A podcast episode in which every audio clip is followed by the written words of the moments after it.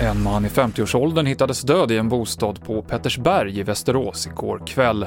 Polisen skriver på sin hemsida att det inte går att utesluta brott och att en man i 35-årsåldern, som också befann sig i bostaden, har anhållits. Han ska förhöras under dagen, skriver VLT. Åtta bilar var inblandade i en olycka i utkanten av Malmö nu på morgonen.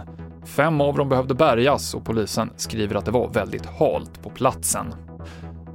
Efter helgens trängsel under Black Friday-handeln så kräver Föreningen Sjukhusläkarna i Stockholm munskydd i butiker och en begränsning av antalet kunder i varuhusen under julhandeln.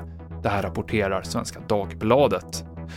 Och andelen infekterade av det nya coronaviruset i England har minskat med 30% sedan landet stängde ner den 5 november.